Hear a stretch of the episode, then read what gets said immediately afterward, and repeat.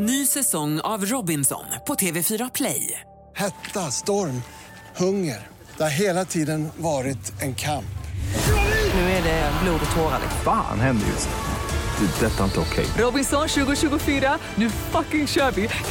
Streama söndag på TV4 Play.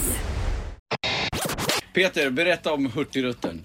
Jo, så här är det. Jag eh, och min fru har ju åkt eh, Hurtigruten. Eh, det kanske är sådär så att det inte lockar alla men alltså det är ju, det är ju en väldigt fin resa. Man åker ju, jag åkte då till Bergen och därifrån så tog vi båten och så.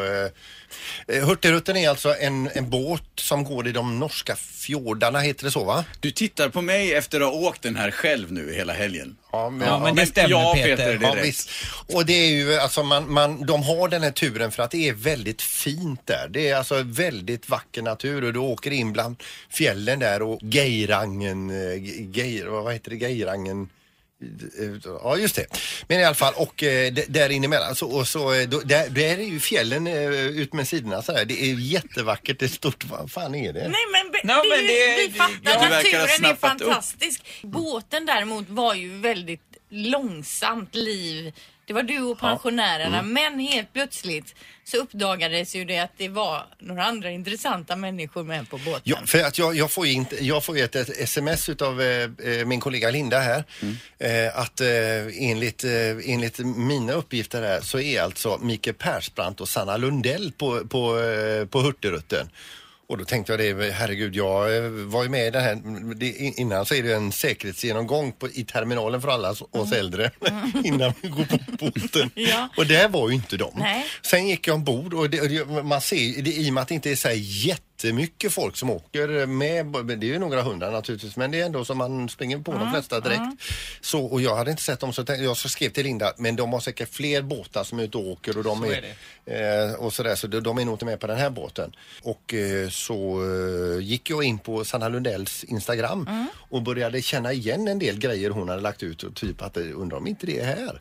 Eh, och sen så mycket eh, riktigt, vi går upp och sätter oss på det här däcket, väder till lät det och så tittar vi på ut och där kommer de.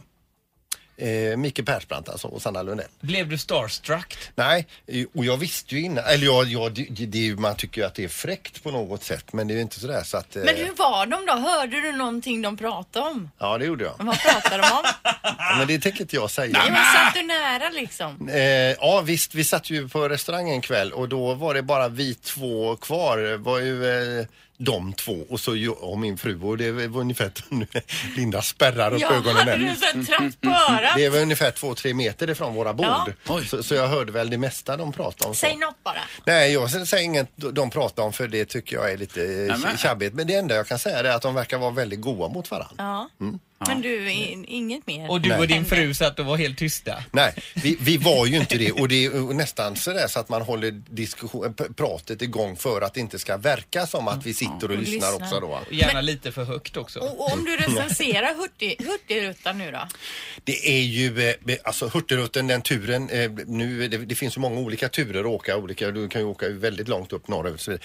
Men det är ju, eh, det är ju naturskönt, det är väl ganska båt och så vidare och norrmännen är väldigt trevliga och Norge är jävligt dyrt. Ja. ja. Där har ni det. Ja. Ett poddtips från Podplay.